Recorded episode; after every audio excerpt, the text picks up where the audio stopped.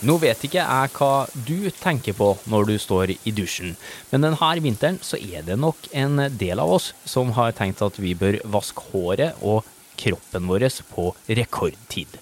Nettavisene har hatt en egen oversikt over hva det koster deg å ta en dusj, og den gode følelsen av ren kropp er kanskje bytta ut med bekymring for hva en tur innom dusjen kommer til å bety for strømregninga di. Men hvordan havna vi i denne strømpriskrisa, og hvordan kommer vi oss ut av den?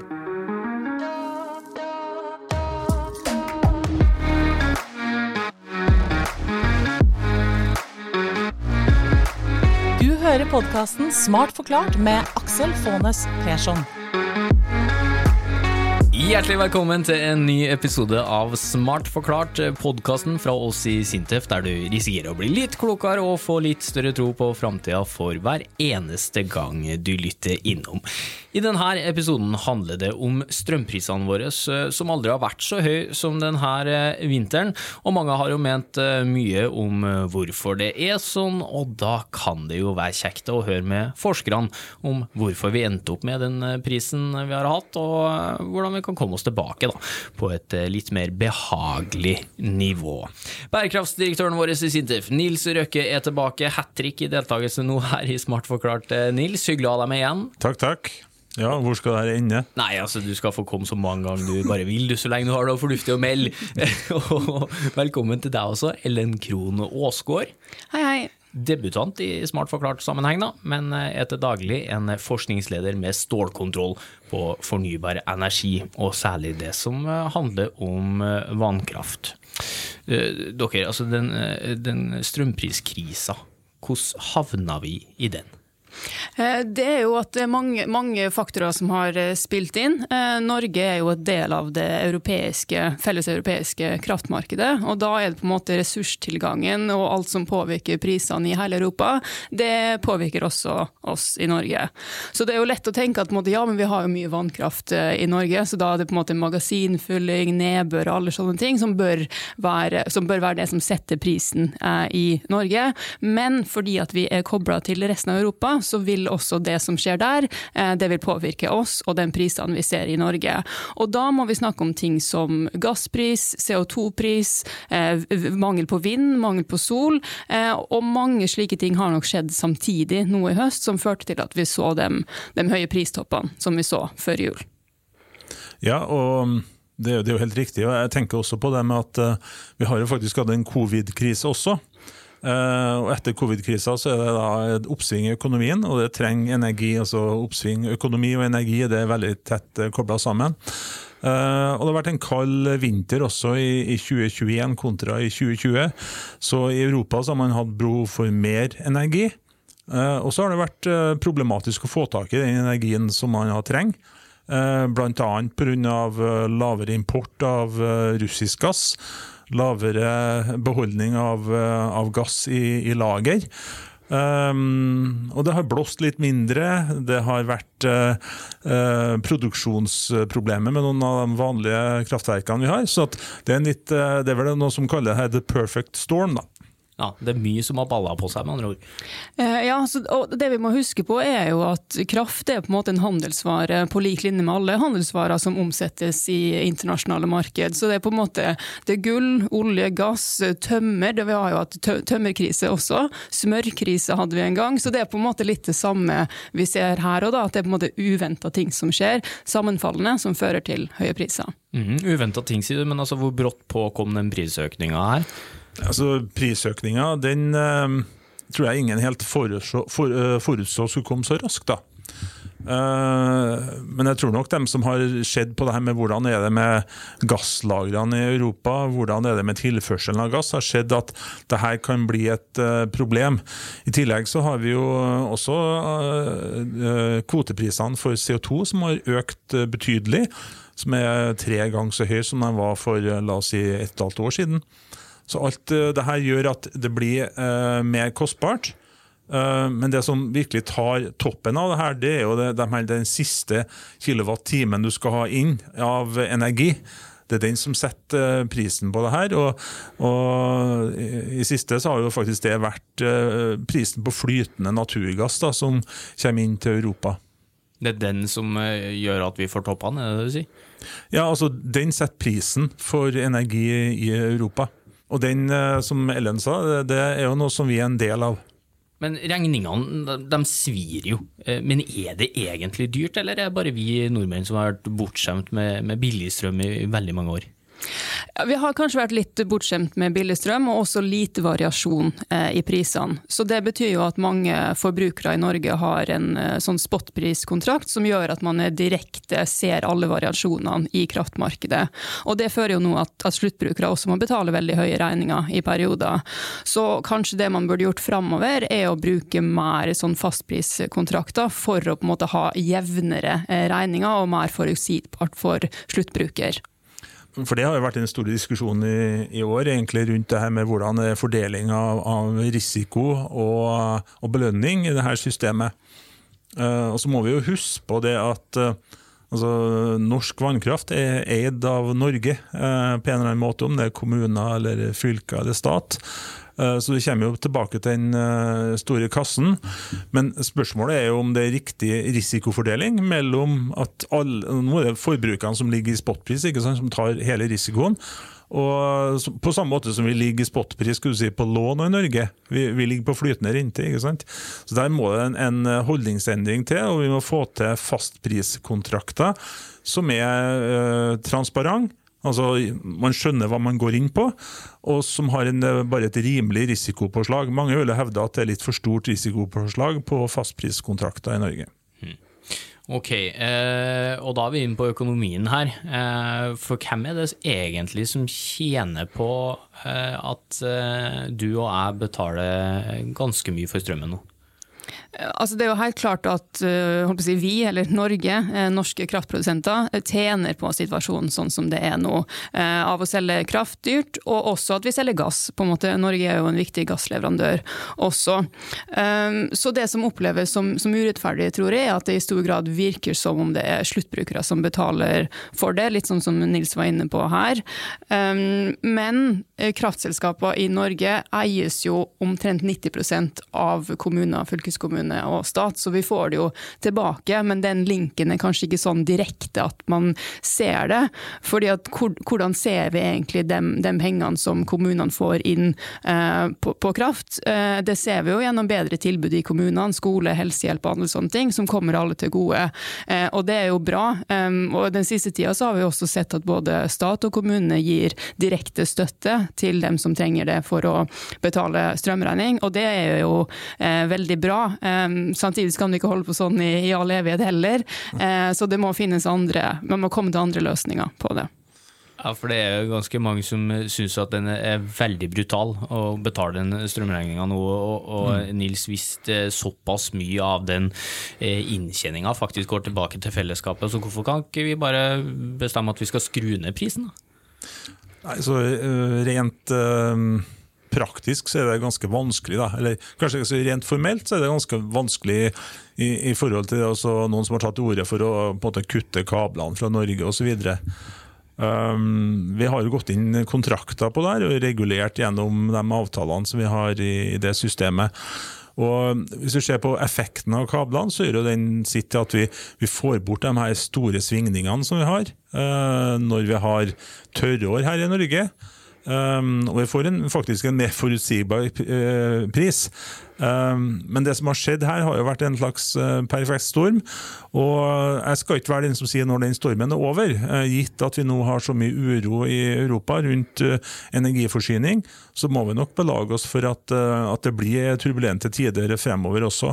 Men som Ellen sier, altså det, det, er jo gått inn med systemer som gjør at vi, vi kompenserer over en viss verdi med en viss prosent, som gjør at folk får mer forutsigbarhet i kraftprisen sin. Men de kablene du snakker om, altså det er jo en del kabler som går inn og ut av Norge. Der vi både, 17 av dem. 17 av dem, ikke sant? Der vi både sender ut litt strøm og der vi henter inn litt strøm. Ikke sant? Og Derfor er vi også kobla på det markedet og den prisen du snakker om. Hvis det blir dyrt for kraft i Europa, så blir det også dyrt i Norge, fordi vi nå er, er avhengige av hverandre. Eh, men de kablene her, altså hvor, hvor stor del av skylda for strømprisen må de ta? De har jo vært ganske omdiskutert. Eh, ja, de har vært omdiskutert, særlig de siste åra. Men vi har jo egentlig bygd ut kabler eh, med andre land over lang tid. Altså, vi bygde til Sverige på 90-tallet, og så har det kommet flere og flere til. Til, Danmark, Tyskland, Nederland og, England. Eh, og det ble jo gjort nettopp for å på en måte dele på de ressursene som er da, i de områdene. For å forsikre, altså, sikre at man har tilgang til energi, også når det er tørrår i Norge, eller når det er lite vind eller andre ressurser andre steder. Ehm, så det har gitt økte muligheter for eh, import og eksport av kraft, og vi har også tjent mye på å ha de eh, kablene. Eh, så på samme måte som kablene nå på en måte har skylden i at prisene er høye, så har de også hatt skylden tidligere på at prisene har vært lave, mm. og at vi har vært sikre på at vi, vi, kommer til å ha nok energi til å dekke forbruket. Så det, det går begge veier. Ja, og når vi snakker om skyld, så har det jo vært eh, en del som har tatt til orde for at de her prisvariasjonene og de høye prisene er knytta opp til den grønne revolusjonen, energitransisjonen. Og Der vil jeg jo bare si at eh, det vil jeg avfeie umiddelbart og si at det er faktisk forårsaka av høye priser på fossile brensler og ikke fornybare brensler, sånn, eller fornybare kilder, sånn som vind og, og sol osv. Um, problemet er rett og slett tilførselen av den fossile delen som vi skal fase ut. Så Det har vel aldri vært et større moment nå i Europa for å få utbygd mer fornybar kraft og, og få et mer balansert energisystem enn, enn eh, noen gang. Men du er jo inne på noe der, for det er noen som mener at fornybarsamfunnet har skylda, som du sier. Eh, men, men hvordan, gå litt dypere inn i det. Altså, ja. Hvordan påvirker det grønne skiftet som vi er inne i nå, strømprisen? Nå tar ta et veldig enkelt bilde. Da. La oss si at uh, all energiforsyning eller elektrisitetsforsyning i Europa var fornybar.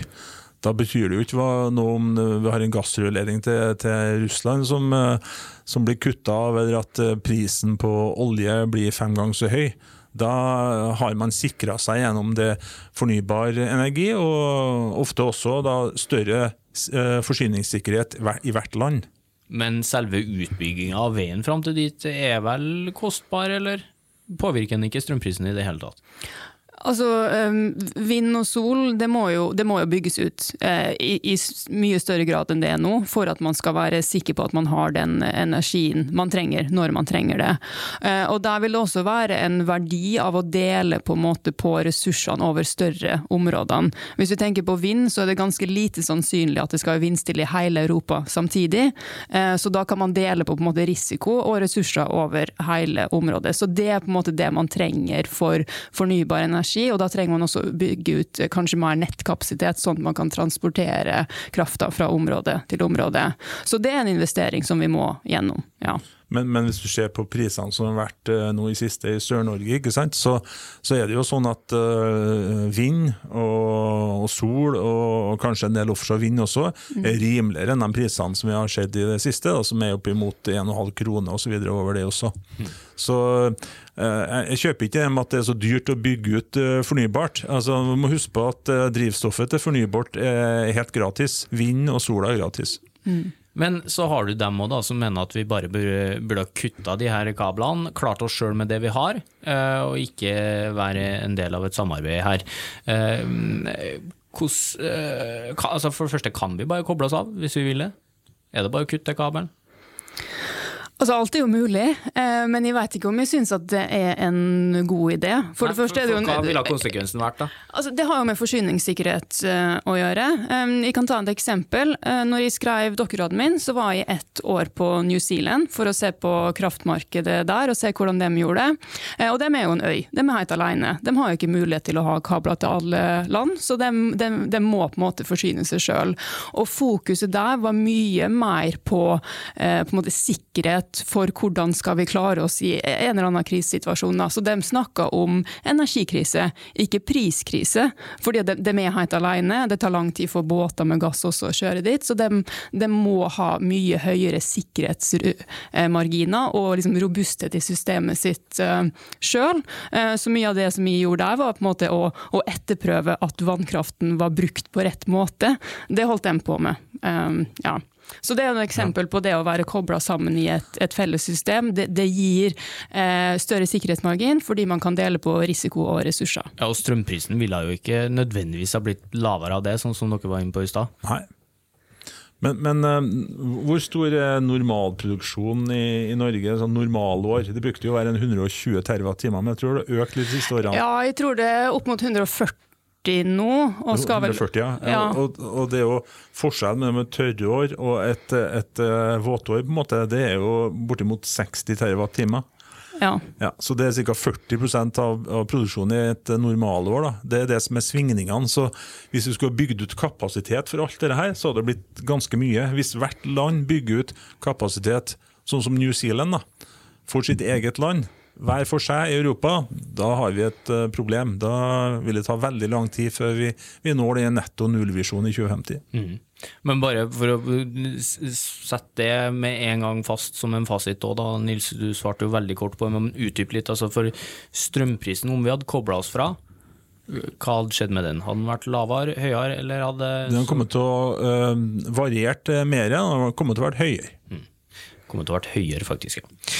I snakkende stund da, så har eh, Ukraina blitt eh, angrepet av Russland, og det pågår nå en, en krig i Europa. og Den situasjonen i seg sjøl er jo veldig alvorlig og trist for en hel verden, og det, og det kan virke banalt å snakke om strømpriser i den sammenhengen, men energitilgang er jo en del av konsekvensene av det som, som skjer der nå.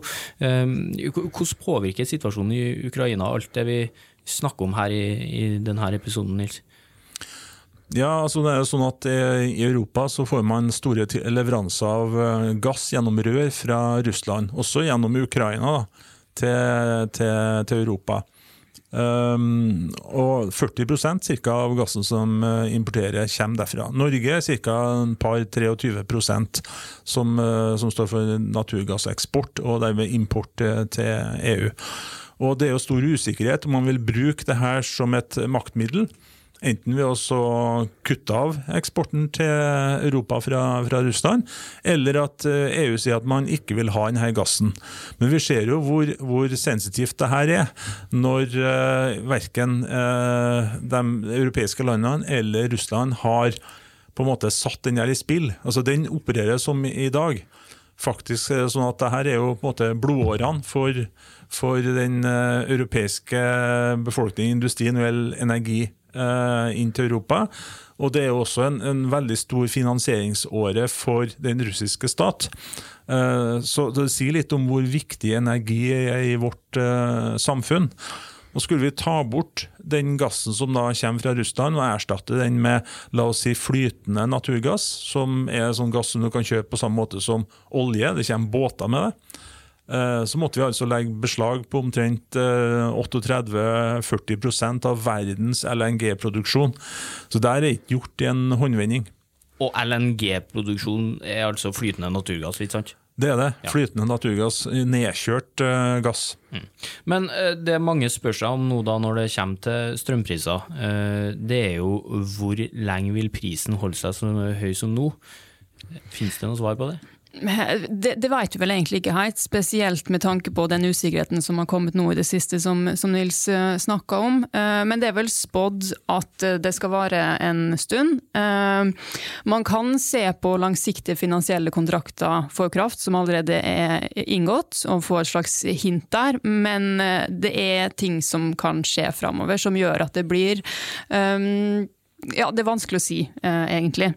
Eh, men det som jeg tror er at med de høye prisene vi ser nå, på sikt så vil jo det trekke til seg mer investeringer i, i kraftproduksjon. Og det er jo veldig bra. Så det vi bør satse på da, er at den produksjonen er fornybar, sånn at vi på en måte akselererer overgangen til eh, fornybar energiforsyning, for det er det vi må få til eh, i nær framtid uansett. Ja, for hvordan kan vi komme oss ut av denne strømpriskrisa, da? Det, det skjønner du jo. det. Ja, men jeg må spørre likevel. Det er så mye bedre når dere svarer på det, enn at jeg brifer Vi, med vi at jo jeg leser meg vi opp må på det. produsere mer kraft. Altså vi skal elektrifisere samfunnet. ikke sant?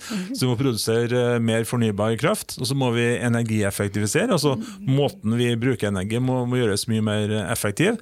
Og så finnes det jo muligheter for, i hvert fall på norsk side, så finnes det muligheter for oppgradering f.eks. av eh, vannkraftsystemene eh, våre. Men at vi trenger mer eh, kraft, hvis vi tenker på ny ny industri og elektrifisering. Det, ja, Du er enig i det du òg, eller? Ja, det er jeg enig i. Vi trenger uh, mer kraft, og det må være fornybar. Og vi kan gjøre mye i Norge både på vannkraft, vindkraft og også flytende, uh, flytende vindkraft. Mm. Ja. Energieffektivisering, da. Hvor har vi potensialet til å redusere bruken vår? I bygninger og i industri. Vi har jo noe forskningssenter på det, både på Sintef og NTNU, som jobber med bygninger og, og, i industri. Og Der er det jo et sånt spenn. da. Man snakker jo om at det kanskje ligger et, eh, et potensial på mellom 10 til 13 TWh, opp til 23 TWh faktisk, som er det, det samme som ja, 17-18% av kraftproduksjonen per i dag. da. Det er alltid et spørsmål om hvor, hva er kostnaden eh, med det. Og Det øvre anslaget her det, det har jo kommet uten at man har satt en, en spesifikk eh, krone per kilowattime. Men jeg tror NV har én eh, krone per kilowattime i sitt estimat på, på 13 TWh. Og Det er jo la oss si 10 da. Det er ganske mye, det også. Og så er det vel på vannkraft noe lignende? ikke Ja, da kan man vel Jeg tror man har regna på at man kan hente ut en 7-8 TWh ekstra fra eksisterende vannkraft med oppgradering og utvidelser. Eh, og man kan, andre har også regna større tall. Um, og det kan man gjøre uten å bruke verna vassdrag, eh, men, men, på en måte i de elvene som allerede er brukt til vannkraft, eh, gjøre systemene bedre og mer effektivt. Og det har vi også mye forskning som går på å, å gjøre. Mm. Så bare for å oppsummere litt her da, Grunnen til at vi har havna der vi har havna nå, er fordi at eh, som prismessig sett på strøm, det er fordi at det har skjedd ganske mye ting samtidig. Bl.a. at eh, gassen i Europa er så dyr at den også påvirker strømprisen inn til Norge, fordi vi har eh, en deling på energien eh, innad i eh, Europa. og så har vi mulighet til å komme oss ut av det, men det krever at vi, får tilgang på mer kraft, kanskje redusere bruken vår av kraft.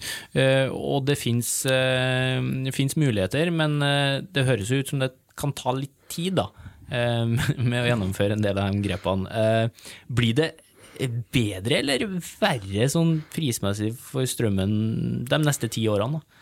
Eh, det kommer kanskje til å bli litt dyrere, eh, og det som i alle fall kommer til å skje, er at det kommer til å bli mer eh, variable priser. Så vi kommer til å se både høye og lave priser framover i tid. Og det er jo fordi at vi står midt i en drastisk endring i energisystemet. Vi må over til fornybar energiforsyning, og det krever investering i produksjon, i nettkapasitet, og det kommer vi på en måte egentlig ikke utenom. Så, og de nye uh, energikildene, de fornybare, har også sine karakteristikker som påvirker prisen, sånn som gass og de gamle har. Og det er på en måte det som gjør at det blir mer variabelt, fordi at vi, vinden og sola er der den er, og da må vi bruke den. Um, så det blir mer variabelt, og kanskje også litt uh, dyrere, men da tenker jeg at er det ikke egentlig verdt det? Kan vi ikke betale litt mer for fornybar energiforsyning, med alle de andre godene som det gir til samfunnet? Så mener jeg at det er veien å gå, eh, og det er verdt det for alle. Ja, Det må jo være lønnsomt å renne kloden, tenker jeg. For, ja. noe, for noe øre påslag, så ja. Og så er jeg litt uenig med det du sier, da, Aksel, for du, du sier det her med at uh, bruk mindre energi. Vi snakker om å bruke det mer effektivt, egentlig. For Norge har jo store muligheter uh, med innovasjon og, og industriell utvikling da, til å bruke uh, fortrinnene våre på fornybar kraftproduksjon og, og, produkter. Det vil være etterspurt i, i, i tida fremover. Så ligger store muligheter for Norge i det grønne skiftet. Men uh, som Ellen sier, altså, det, jeg tror egentlig det som har skjedd i siste nå, peker på at vi får en akselerert overgang til fornybarsamfunnet. Og kanskje ja, hvem vet, kanskje vi kan nå netto null-målsettinga i 2050 til og med. Selv om den rapporten som kom i går da, fra FN sitt eh, klimapanel på, på effekter av klimaendringer, um, sier at vi, vi, er, vi er for trege. Uh, så det her, jeg tenker at det her er mobilisering for å få til mer uh, raskere. Mm. Og med den presisteringa der i stad, så beviste du hvorfor du svarer på spørsmålene, Nils, og hvorfor jeg stiller dem. Og så må vi jo legge til at for, for enkelte så er jo den ekstrakostnaden på strømregninga alvorlig, rett og slett for den personlige økonomien.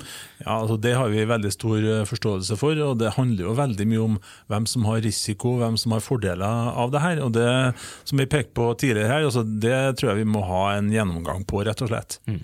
Men bare helt på tampen, da. Eh, det er jo store prisforskjeller innad i Norge også. Hvorfor det? Ja, Det har jo å gjøre med at krafta må jo transporteres dit den skal brukes. Så den må gå fra produksjon der den er produsert og ut til forbrukere. Og det gjøres jo gjennom kraftnettet og distribusjonsnettet. Eh, og det er litt sånn at noen steder så er det godt utbygd nett, andre er det litt mindre. Det er jo litt sånn som biler på en vei, de skal jo fram et sted. Noen veier er gode og breie, og noen er smalere. Og det er ikke økonomisk effektivt å ha like breie veier overalt. Og sånn er det også for kraftnettet. Så det fører til at det er begrensninger på overføringskapasitet mellom områder i Norge, og da blir det også prisforskjeller. Fordi at det er mer kraft i ett område som på en måte ikke kommer seg ut eh, til å kunne deles med de andre områdene. Skjønner. Ellen og Nils, eh, takk for mange smarte forklaringer. Bare hyggelig. Bare hyggelig. Og så har vi planer om å komme med flere episoder om strøm til deg som hører på, bl.a. om eh, hvordan vi kan sikre oss at eh, strømmen kommer seg fram til stikkontakten din til enhver tid, og om vi i det hele tatt har nok strøm til alle, nå som mange av oss kjører rundt i elbiler og mye annet også går over til elektrisk kraft. Abonner gjerne på Smart forklart der du fant denne episoden, så får du beskjed når det blir lagt ut. Nye episoder fra oss er altså vei om ikke så altfor lenge, og i ventetida fram til da skal forskerne her i Sintef fortsette å utvikle teknologi for et bedre samfunn.